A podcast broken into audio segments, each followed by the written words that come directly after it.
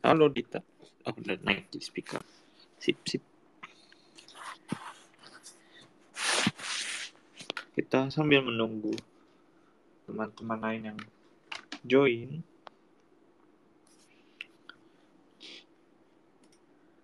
Dita aman, bisa speak, speak.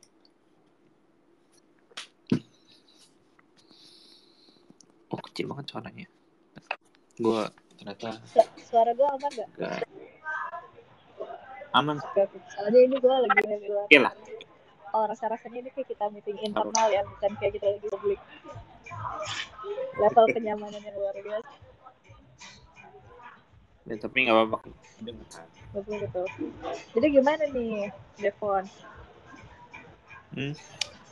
Gimana ya? Gimana gimana gimana? Gue sebetulnya tanya juga sih ke Dita udah gimana kabar. Karena kita udah lama nggak ngobrol, udah pernah ngobrol. Benar benar Karena nyambung nih sama tema kita hari ini tentang self employed Jadi gue kan selain seorang karyawan swasta di suatu perusahaan yang bisa dilihat di LinkedIn gue. Gue juga self employed sebagai ilustrator sama penulis. Cuma sekarang mostly uh, gue kembali berkarir di ilustrasi kan soalnya, ternyata Hmm. uh, kalau nulis tuh masih lebih niche lagi dibanding gambar tuh sih. Nasibnya jadi akhirnya gue mencoba gambar-gambar lebih sering lagi. Mungkin lo lihat di Instagram gue gue udah mulai bikin reels yang gambar gue bikin tiktok gambar gitu. Naik ke awareness bahwa gue Hmm. bisa ya kebetulan kemarin habis uh, dapat deal sama salah satu merek prosesor lah ya. Kesukaan kita semua. Jadi itu gue Hmm. bikin ilustrasi lah. Itu salah satu self employ yang gue lakukan belakangan ini. Makanya gue tidak menemani lo di Kamis malam seperti ini. Kalau lo gimana? Lo juga seorang self employ kan selain lo juga bekerja kantoran gitu Ya self employed tapi kalau eh, gue masih lebih banyak eksplisit sebetulnya.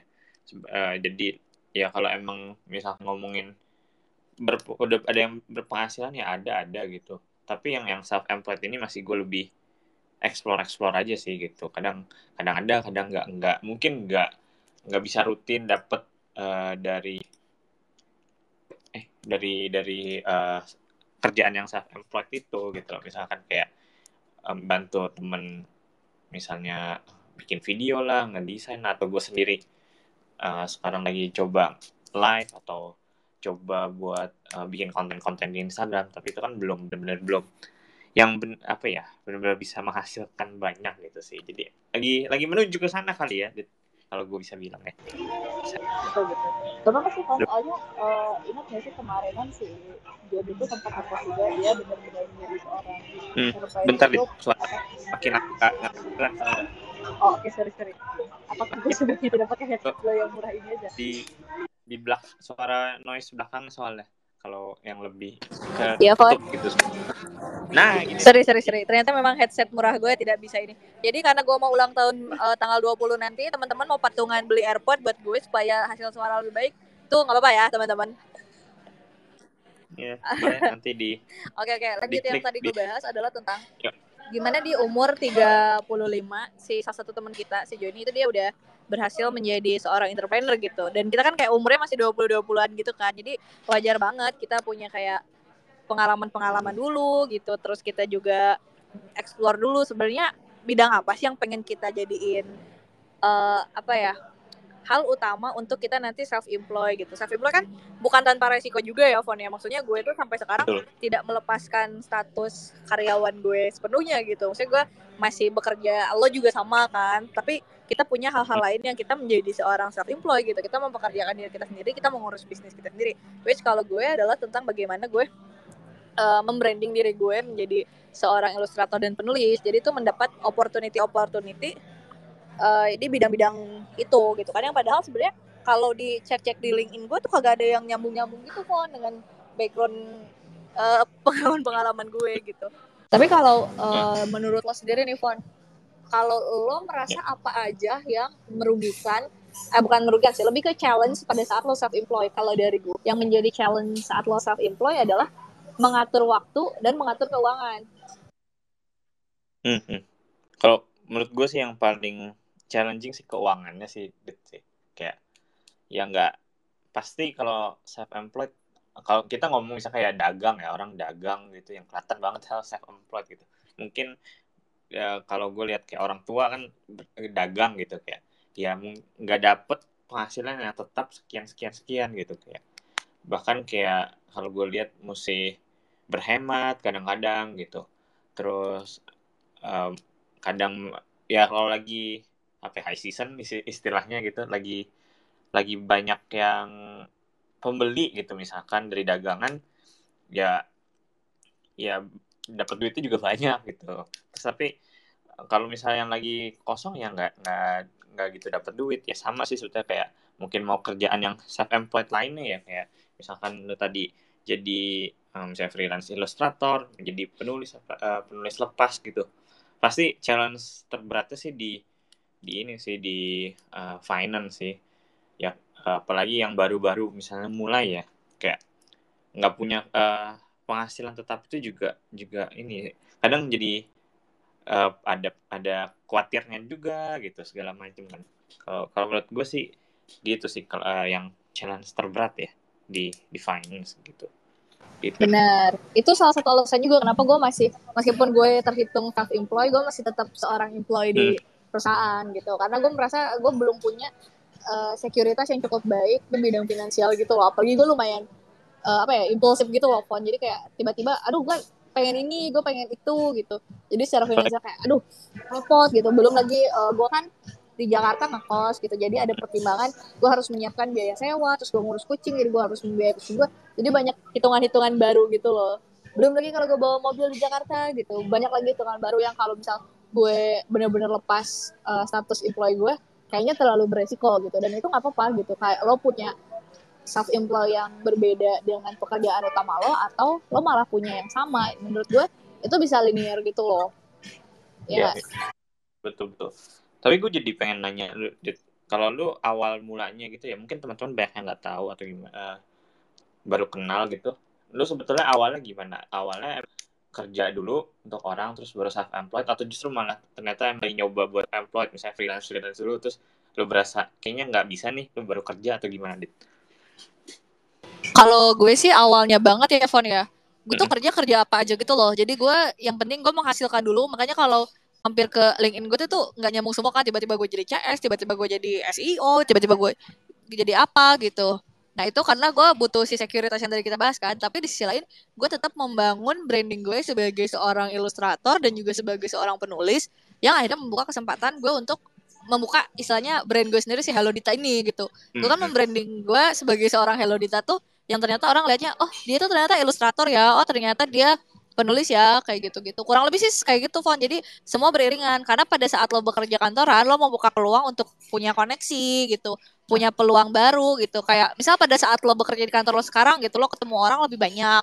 Ya. terus lo juga punya pengalaman yang baru lo dapat knowledge baru gitu. Itu kan menambah bekal lo pada saat lo mau self employ gitu menurut gue Fon kalau lo sendiri emang milih untuk self employ atau kayak oh tiba-tiba lo nggak sengaja karena dapat misalnya uh, ilustrasi ada yang request ilustrasi terus jadi kayak lu pikir oh ini bisa nih gue seriusin nih atau gimana Nah awalnya banget itu kan karena dulu gue kuliah di kafe ya. Nah pada saat gue kuliah di kafe, gue tuh kemampuan yang gue bisa beneran cuma ngedesain dan bikin-bikin ilustrasi. Hmm. Jadi itu yang gue pakai bertahan hidup gitu. Yang lama-lama gue kayak, aduh gue nggak sanggup nih karena kita tahu sendiri kan uh, orang itu susah banget menghargai misalnya seniman-seniman gitu gitu. Hmm. Terus nyari pasarnya juga susah karena beneran niche market gitu kan beda kayak orang jualan gitu at least ada orang yang akan butuh makanan gitu. Kalau gambar kan beda ya. Akhirnya itu gue harus uh, apa menabung experience dan knowledge beberapa tahun baru gue muncul lagi gitu. Gue menunjukkan bahwa gue bisa gambar gitu. Jadi orang tuh melihat kualitas gue sudah berbeda dengan gue yang pada saat kuliah phone begitu gue udah upgrade kan gue uh, nggak yang direct istilahnya langsung nawarin eh gue buka commission nih gitu. Gue kan beberapa kali ngasih giveaway gitu. Gue inget banget dulu selama dua minggu gue tiap hari ngegambar eh, uh, 20 orang. Satu hari itu 20 orang 20 apa 10 orang gitu gue lupa. Jadi hmm. selama dua minggu tuh gue kurang lebih gambar 100 orang lebih gitu. Dan itu nama followers gue tuh sampai 16 ribu lah. Pokoknya banyak banget yang di mana orang jadi aware bahwa oh ternyata dia ilustrator ya. Dan itu bikin gue punya opportunity oh uh, pada saat orang nggak dapat giveaway gue ya udah uh, kalian bisa pesen lewat commission which yang sekarang gue lakukan juga gitu nah itu kan orang-orang makin lama tuh makin terbiasa dengan kebiasaan untuk membeli gambar gitu. Oh saat gue tidak bisa minta gratis, gue ternyata bisa memesan dan gue bisa memesannya custom kayak gitu font kalau gue.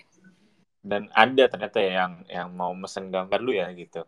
Ada ada banget. Jadi uh, orang tuh kan suka khawatir pada saat, aduh takut banget nggak ada yang beli, jadi pasang harga murah gitu. Ya. Tapi sebenarnya itu orang uh, lebih ke nggak tahu bahwa yang seperti itu tuh termasuk jasa gitu.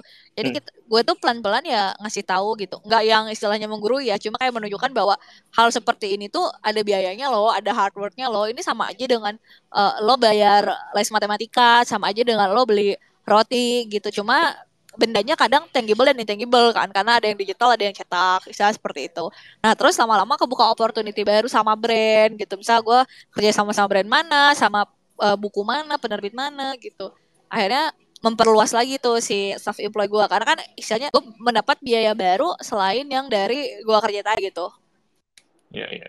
Itu selalu deh kalau kalau lu cerita yang gambar beberapa gambar 20 gambar sehari. Eh sehari ya berapa Iya iya sehari sehari tuh gue gambarin 20 followers random gitu. Kayak gue selalu mikir itu lu gimana gambarnya kayak Maksudnya kayak kalau gue lihat kan yang style lu sekarang gitu kan gambarnya kayak itu kan ya kayak uh, gambar segitu gitu 20 sehari kayak wow juga sih itu itu salah satu ya ya perlu perlu ini juga ya uh, emang ah, persistence gitu kayak resilience juga ya buat ya pada saat itu mungkin lagi emang nggak ada ya emang buat nggak ada eh, buat for free gitu kan. Terus lu buat tapi kalau lihat sekarang ternyata dari dari yang free free free itu sekarang lu bisa menghasilkan bisa kerjasama sama beberapa brand gitu kan ya. Benar benar Nah terus kan kadang gue, gue emang gue pengen appreciate orang-orang yang follow dan support gue gitu loh Fon. Kadang kan orang nggak banyak uh, reply gue, orang nggak banyak komen ke gue Tapi kadang mereka selalu like postingan gue, selalu uh, reshare postingan gue gitu. Itu kan bikin gue merasa diapresiasi juga Dan gue ingin memberikan feedback juga buat mereka gitu. Makanya kalau orang-orang ikutan giveaway gue tuh terus mereka ngirim foto sekeluarga gitu atau anaknya atau pasangannya gue ngerasa kayak lo gue nggak pengen mengapresiasi. Halo ya oke gue tahu bahwa hubungan keluarga lo oke okay, gitu dan semacamnya. Tapi bukan itu yang pengen gue highlight gitu. Gue pengen mengapresiasi lo secara personal sebagai orang selama ini support gue gitu aja gitu. Jadi suka ada yang gue skip skip kalau memang uh, udah mulai nggak nyambung gitu ngirim-ngirim gambarnya. Dulu tuh kenapa bisa 20 sehari? Karena gue tuh lagi explore phone. Jadi itu pertama kali gue pakai iPad. Sebelumnya kan gue pakai pentap itu kan.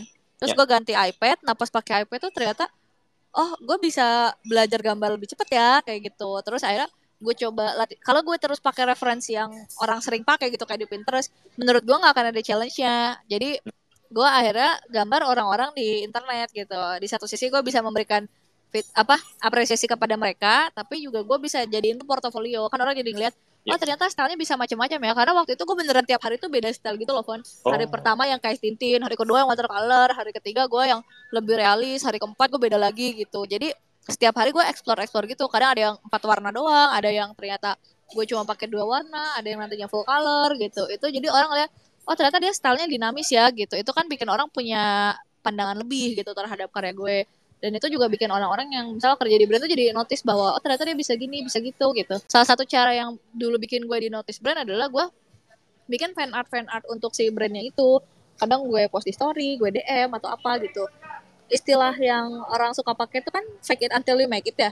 Kadang yeah. orang tuh kan nggak tahu yang mana yang sponsored post, mana yang enggak gitu sebenarnya. Ya lo bikin aja seolah-olah itu sponsored post gitu meskipun bukan gitu. Kayak gitu. Kan ini lo nggak bohong ya, lo cuma uh, bersikap seolah uh, ini memang serius gitu si postingannya which itu berarti menunjukkan bahwa lo memang punya kapabilitas lebih gitu menurut gue gitu Fon. Ya yeah, ya. Yeah. Jadi emang emang kenapa bisa di notice brand itu juga lu ada usahanya kayak gitu juga ya. Tapi gue pengen pengen tanya lagi. Tadi selain kayak uh, lu gambar itu 20 20 gambar sehari ya itu pasti capek struggle gitu. Ada struggle struggle lain gak sih pas lu awal-awal itu loh? Ke mau menjadi self employed gitu loh.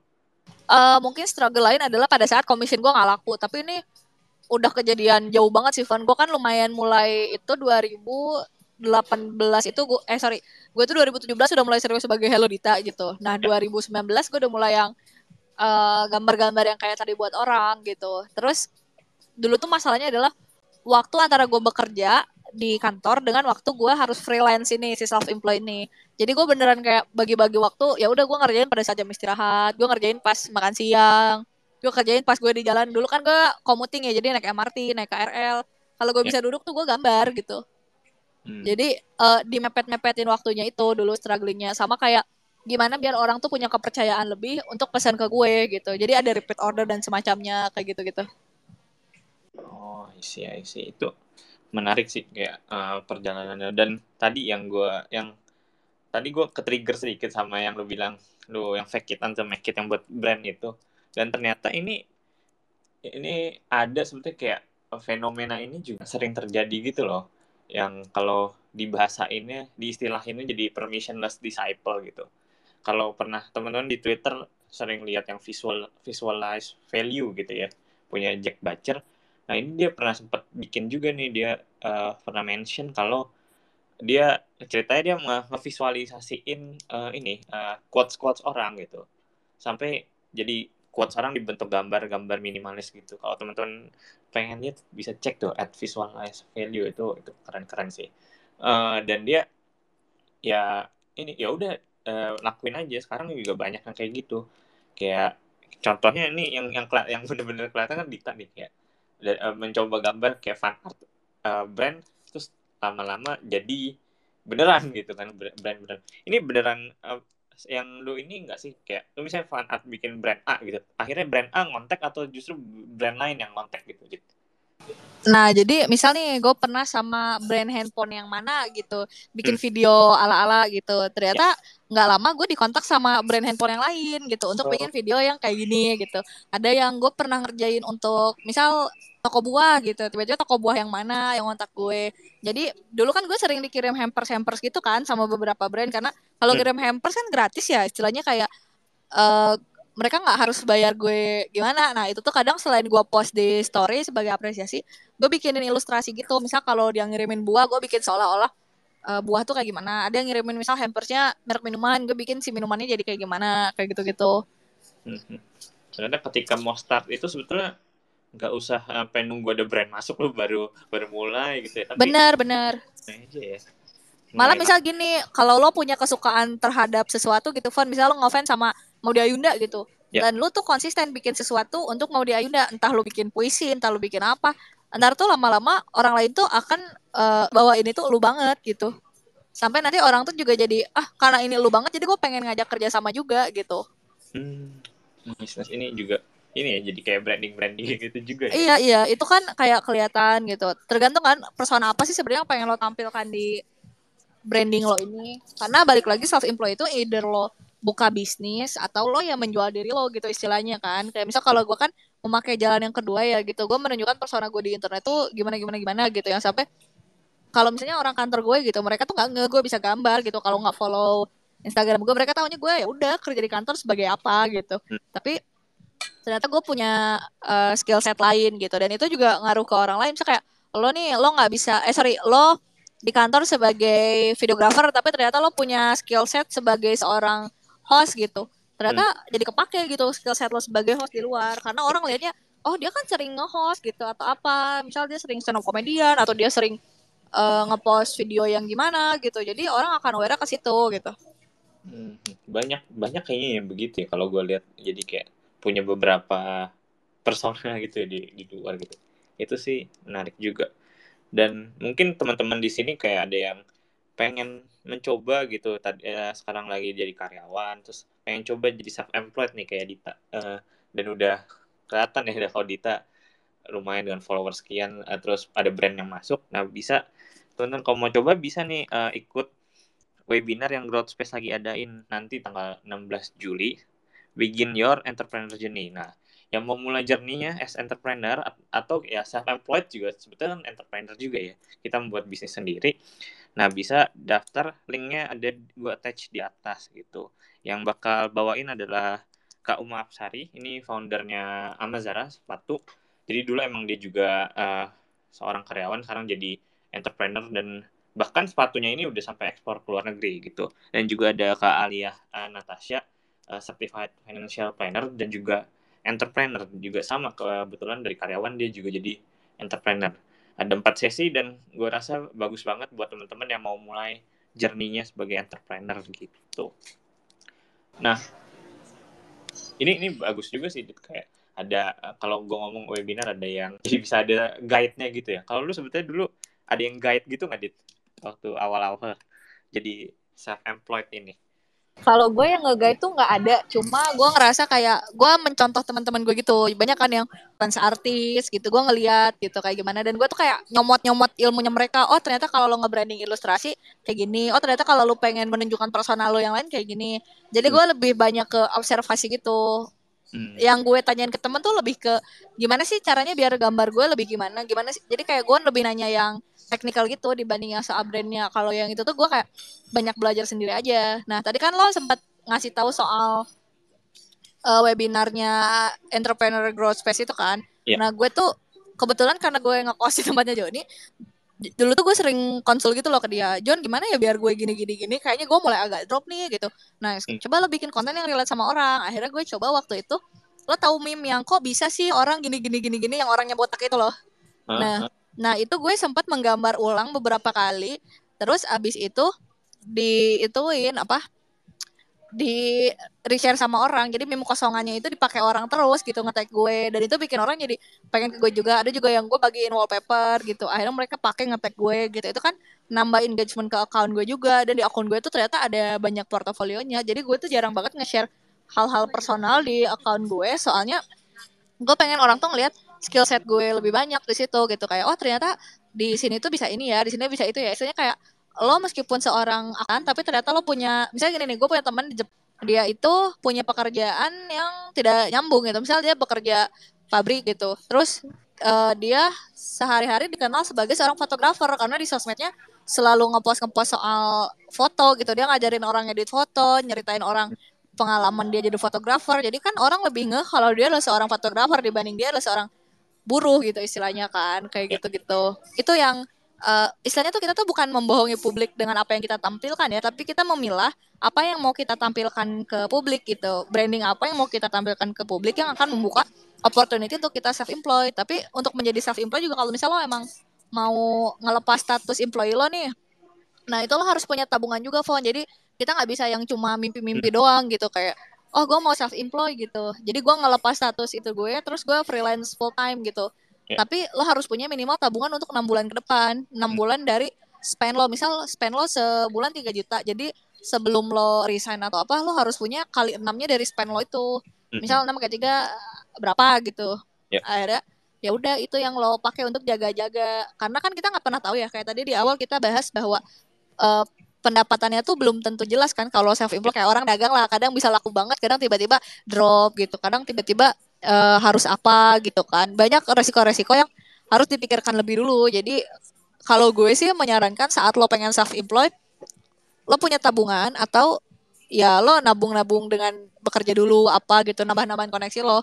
Sisanya mungkin menurut gue bisa dipelajarin pada saat di webinar sih. Apalagi itu kan ada Kak Umay kan lumayan itu kan lumayan apa ya dulunya dia seorang karyawan yang akhirnya dia membuka brand sepatu yang gede juga gitu kan dengan brandingnya tuh sepatu murah tapi dengan kualitas yang bagus gitu. Kebetulan Kezia kan pakai jadi di rumah gue suka coba-coba gitu. Oke, okay.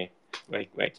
Yes yes yes. Nah teman-teman juga kalau emang punya cerita-cerita tentang self employed mau itu berbisnis atau kayak Dita juga misalkan gitu uh, punya usaha bikin jasa gitu boleh naik juga dong request uh, as speaker kita juga pengen dengar ceritanya karena setiap orang sih punya gue percaya punya cerita yang menarik terus uh, bisa dibagikan dan mungkin bermanfaat buat orang lain gitu. Sambil nunggu gue uh, menanya Dita lagi gitu. Kan sekarang uh, lu menjalanin dua gini kan self employed dan juga jadi masih jadi karyawan gitu. Nah, kalau lu sendiri ya tadi kalau misalkan tanya plus minusnya ya uh, tadi kalau jadi self employed yang nggak tetap misalkan penghasilannya. Kalau yang lu kepik ya, lu rasain sendiri gitu misal apa sih enaknya jadi self employed apa sih enaknya jadi karyawan gitu biasa gimana gitu? Kalau dari yang pengalaman lu gitu ya mungkin orang lain bisa beda yang rasainnya. Benar atau malah mungkin mau nanya gitu ya Fon. Uh, gimana gue menjalani kehidupan sebagai seseorang yang self employed dan juga sebagai seseorang yang tetap bekerja gitu. Kan hmm. kalau orang lain ya udah gue full time self employed aja gitu biar semua tuh gue yang ngatur. Tapi gue menjalani keduanya gitu. Mungkin itu ada hal yang menurut orang ini challenging gitu. Jadi kalau memang penasaran atau kalian punya cerita sharing lagi bisa uh, minta di request terus abis itu bilang ke gue dan Devon gitu sharing sharing yeah, kan yeah. sharing is caring ya di sini. Betul. Dan kalau sendiri gimana dit? Uh, lo sendiri masih apa ya mungkin kalau misalnya ngomongin duit pasti duit lah kalau cari uh, jadi karyawan dan jadi self employed menjalani dua-duanya gitu. Tapi ada hal lain nggak sih kenapa lu masih masih bertahan di keduanya gitu? Loh jawabannya uang Wan kenapa gue masih bertahan di situ tuh? Karena gue masih punya ini loh. Tadi kan resiko-resiko yang gue masih belum ya. siap. Misal kayak dengan gue tinggal di luar kota gitu gue harus membiayai keluarga. Kalau gue langsung cabut dari kerjaan dan pede-pede aja sama gue self employed sedangkan gue nggak konsisten bikin konten nggak konsisten gimana gitu kan itu merugikan gue sendiri ya jadi yeah. gue membaginya adalah oke okay, saat gue bekerja itu adalah bagaimana gue bertanggung jawab terhadap diri gue dan juga terhadap keluarga gue saat self employed hmm. itu adalah bagaimana gue memberi tambahan kepada diri gue gitu kan gue tuh ada cerita gini waktu dulu sebelum pandemi kan gue mau ke Jepang gue gue harus punya tabungan sekian karena kan uh, visa itu har dulu ya zaman gue visanya itu harus punya tab tabungan itu sekitar 30 sampai 50 juta lah. Jadi lo bisa secure kan untuk ke sana karena dianggap lo mampu untuk menjaga diri lo gitu, bertanggung jawab terhadap diri lo. Gue gak punya duit waktu itu. Gue cuma beli tiket, terus gue gak punya duit. Jadi sampai gue uh, mau bikin visa, gue cari duit tambahannya dari gue bikin gambar. Itu beneran yang kayak gue sebulan bisa dapet hampir 15 juta dengan gue bikin gambar. Wow. Jadi kayak sehari tuh eh sehari sebulan itu gue menggambar hampir 150 orang gitu waktu itu. Iya, iya jadi kayak wow gue tuh kayak pas ngelihat file-file gue di iPad gila banyak banget gitu. Yang itu akhirnya gue bisa pakai untuk bikin visa. Yang ke Jepangnya sih nggak jadi gara-gara pandemi. Which akhirnya si uang tabungan gue gue jadiin rumah itu kan. Gue sempat nge-tweet soal gue bikin rumah beberapa tahun lalu. Ya jadi ke situ gitu. Dan gue tuh di satu sisi ngerasa kayak wah ternyata gue bisa ya kayak gini dengan cara uh, apa yang udah gue lakukan gitu. Istilahnya seperti itu. Jadi everything is possible gitu loh saat lo emang mau mencoba lebih. Jadi gue hmm. merasa bahwa itu adalah reward dari kerja keras gue dan hal-hal yang pengen gue usahakan gitu tentang si bagaimana gue bisa mengejar uangnya. Mungkin orang mikir kayak ya kan lu enak terkenal. Uh, gue waktu muncul sebagai ilustrator lagi tuh followers gue cuma dua ribuan dan itu dua ribu juga isinya udah banyak yang gak aktif gitu loh dari zaman gue kuliah terus hmm. jadi orang mulai follow follow naik jadi enam ribu jadi sepuluh ribu. Tuh karena gue kelihatan gambar terus gitu. Apalagi di twitter kan pergerakannya tuh cepet ya fontnya karena dua arah gitu. Hmm. jadi timelinenya uh, real time gitu mostly. Akhirnya ya udah jadi naik terus naik terus. Jadi orang punya kepercayaan sama gambar gue. Banyak yang pesen banyak yang butuh gitu. Hmm, konsisten ya terus terus benar benar. Makanya si cerita soal gue giveaway selama dua minggu tuh itu ternyata salah satu yang ngaruh banget. Sampai sekarang gue masih giveaway kadang-kadang. Cuma nggak sesering dulu karena kan kesibukan gue udah berubah ya. Kalau dulu kan gue istilahnya entry level lah ngantornya. Jadi masih punya waktu luang. Kalau sekarang kan udah kayak gitu gitu. Itu yang akhirnya gue dengan gue bikin konten-konten yang ngajarin orang gambar gitu. Kan gue sempat bikin thread gimana sih caranya gue gambar dengan apps apa gitu. Gue nge-shading kayak gimana gitu. Jadi gue gue tuh bukannya nggak bisa ngasih ilmu ya. Gue tuh memang nggak pinter ngajar gitu loh Fon makanya kalau mungkin yang pengen belajar lebih banyak soal self employed mending ikut si webinarnya growth space aja gitu langsung. Karena gue tuh kalau sharing gini kan gue tidak terbebani ya tapi kalau gue harus mengajarkan lo bagaimana caranya self employed gue agak bingung aduh gimana ya? Soalnya gue banyak yang gas-gas dulu gitu loh. Gue coba semua possibility mana yang works mana yang enggak hmm. gitu. Jadi kalau gue tuh hidup tuh nggak takut gagal gitu loh. Kalau lo gagal berarti nanti lo akan bertumbuh menjadi lebih besar lagi gitu betul betul karena tadi mention lagi tentang webinar ya di situ bakal dijelasin step by stepnya dari awal gitu sampai teasing dikit sampai uh, bisa mencapai financial freedom gitu kalau kalau gue bisa bilang ya dari self employednya lo ini. Nah tadi lo udah udah mention uh, sedikit uh, tentang sekarang kerjaan lo udah udah segini uh, kerjaan sebagai ilustrator lo udah segini gitu. Gimana lo bisa ngebagi waktunya sekarang gitu? Kalau dari lo, apakah apakah apa pon? Apa? Kenapa? apa? Sorry sorry. Apakah apa?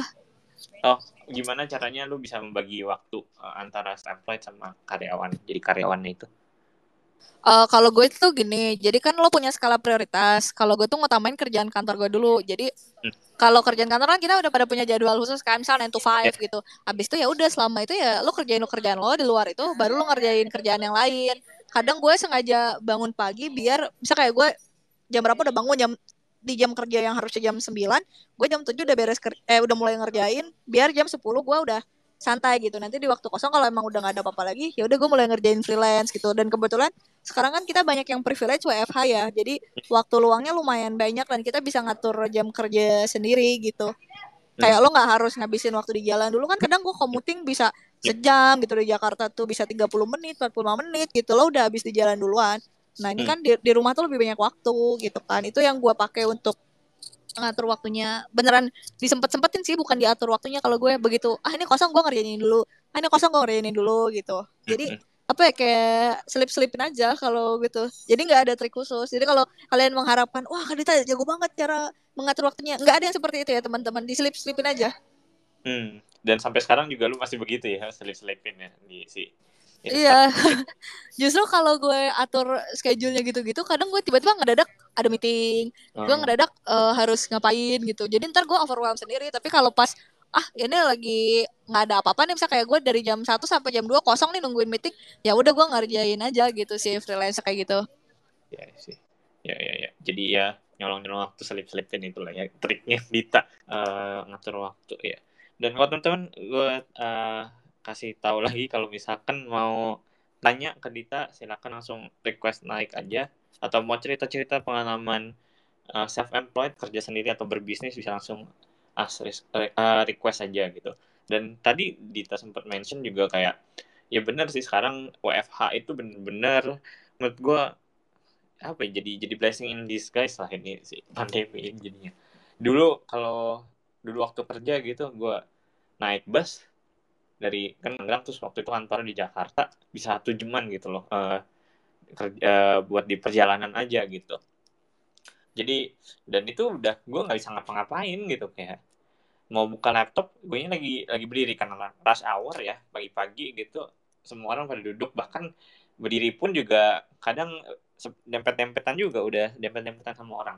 Bisa mau ngerjain kerjaan kerjaan yang lain gitu mau buka laptop udah susah gitu. Oke saya dapat tempat duduk sekarang butuh internet butuh internet tethering tetheringnya juga karena agak susah gitu. Jadi menurut gue kayak sekarang itu WFH bangun tidur gue bisa langsung buka laptop itu juga uh, ini ya salah satu kayak bisa lebih cepat gitu loh buka laptop terus misalnya mau ngerjain hal yang lain sebelum masuk itu masih bisa gitu. Dan gimana? Yang penting nggak lupa istirahat juga sih Fon menurut gue kadang kan uh, lo nggak apa-apa lo misal weekend nggak ngerjain apa-apa gitu. Kalau emang nggak ada yang buru-buru banget gitu lo tetap harus tahu bahwa diri lo tuh butuh istirahat juga jangan kayak semuanya digas gitu saya gitu. Kadang kan suka ngerasa uh, aduh gue ngerasa bersalah nih gue nggak produktif gitu. Padahal sudah nggak apa-apa kalau istirahat juga gitu. Ini salah satu bagian dari self employ hmm, hmm, dan istirahat itu penting ya. Maksudnya istirahat pun juga bagian dari productivity gitu ya.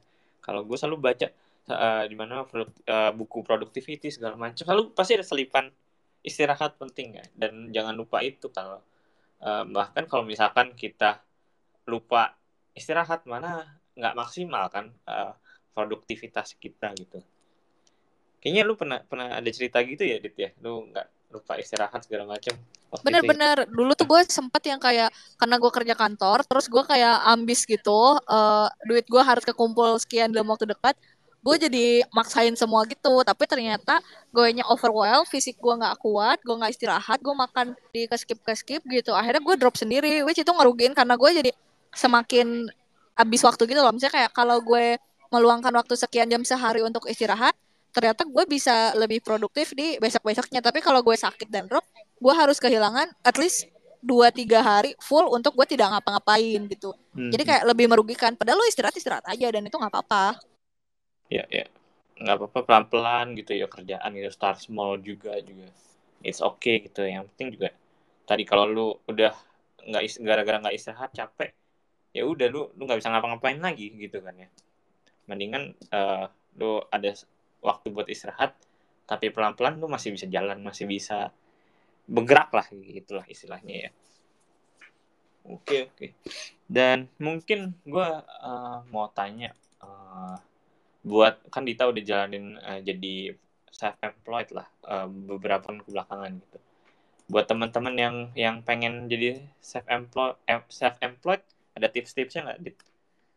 Uh, kalau gue sih yang penting pertama uh, lo branding dulu diri lo juga gitu. Tapi jangan kelamaan. Jadi kayak lo bisa learning by doing. Hmm. nggak hmm. apa-apa misal kayak lo digambar dinulis atau dibikin konten masak atau apa pun pelan-pelan yeah. dulu aja. Nggak harus yang kayak harus langsung jago gitu. Semua kan ada prosesnya dan semua orang tuh awalnya amatir. Jadi nggak usah ngerasa kayak gimana gimana gitu.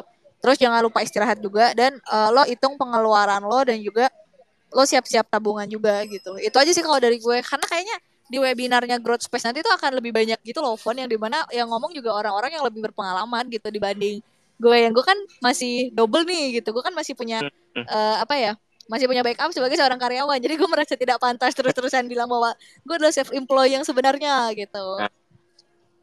yes yes yes oke okay, oke. Okay.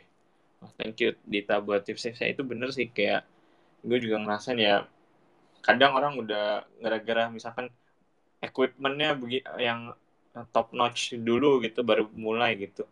Kadang juga ya kalau nunggu gitu kapan mulai mulainya gitu.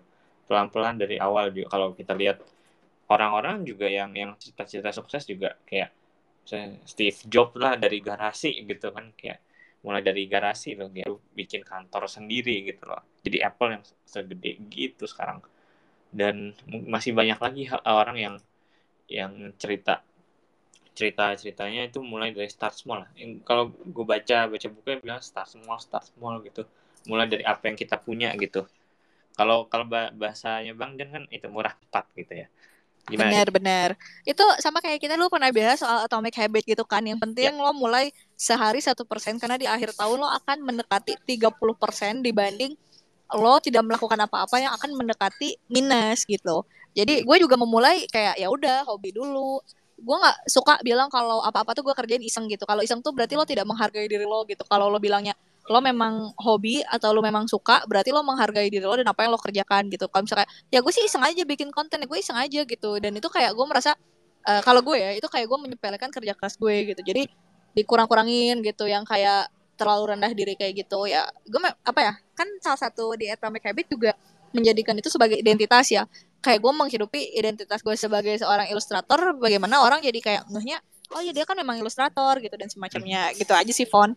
Ya ya jadi every step gitu it matters gitu ya. Jadi semua langkah-langkah yang kita lakuin mau kecil sekecil apa pun itu ya matters apa ya bahasa Indonesia jadi bermanfaat berguna uh, juga emang ada ya dibuat dari gitu kan dibuat dari hal-hal yang kecil gitu. Bisa jadi gede jadi kecil lama-lama dari kecil-kecil jadi dikit-dikit jadi bukit gitu. Dari satu satu satu ya atomic habit saya satu persen satu persen satu persen. Jadinya berapa tiga puluh persen lebih gitu um, di awal gitu. Kayak air pun di dalam uh, kita tetes uh, di suatu gelas gitu satu satu titik satu titik satu tetes tetes lama-lama juga bisa jadi jadi penuh gitu gelasnya. Kurang lebih gitu. Oke oke. Ini teman-teman apakah ada yang mau nanya tuh cerita nih uh, soal uh, self employed nih. Kalau tidak ada kayaknya gue sih udah cukup nih ngobrol-ngobrol sama Dita. Kalau Dita ada lagi nggak yang mau Dita sampaikan? Belum ada sih karena kayaknya akan lebih seru kalau misal dengar dari pembicara-pembicara di webinarnya Growth Space. Nanti sih Fon menurut gue. Kayak lo penasaran gak sih kenapa Joni yang seorang istilahnya sosmed spesialis gitu di Gojek memilih untuk entrepreneur gitu. Atau kayak Kaumai kenapa dia memilih menjadi seorang entrepreneur bikin sepatu dibanding dia dengan gaji puluhan juta di uh, perusahaannya gitu. Kayak gitu gitu kan. Jadi kayak oh ternyata ini loh yang bikin turning point orang untuk menjadi seorang self employed gitu. Iya iya iya. Bakal teman-teman bakal tahu lah di balik itu kenapa dan kenapa self employed kenapa jadi entrepreneur itu uh, bisa apa ya itu adalah sebuah sesuatu yang bagus buat teman-teman gitu lah. Jadi teman-teman sekali lagi kalau emang mau dia mulai bikin your journey as an entrepreneur gitu bisa klik link yang ada di atas gitu. Dan kalau atau mungkin teman teman-teman masih bingung nih kayak mau bikin apa mau apa mau butuh teman diskusi atau segala segala macam juga bisa join Discord kita nih karena di sini juga di Discord kita ada channel uh, entrepreneur juga nih. Kita bisa sekali untuk terpikiran buat teman-teman yang mau misalnya jadi entrepreneur atau hal-hal lain mengembangkan diri karir keuangan gitu juga bisa. Linknya juga ada di atas di bit.ly slash kelurahan suka maju gitu. Teman-teman bisa klik join uh, ya kita jadi support system sama di sana. Kurang lebih gitu sih uh, untuk sesi Twitter Space kali ini thank you Dita buat uh, apa ya sharing-sharingnya sharing is caring tadi dan oke okay, kalau gitu Terima kasih teman-teman juga yang udah dengerin sama kurang lebih hampir satu jam ini. Jadi bye bye, goodbye. Thank you semuanya, sukses.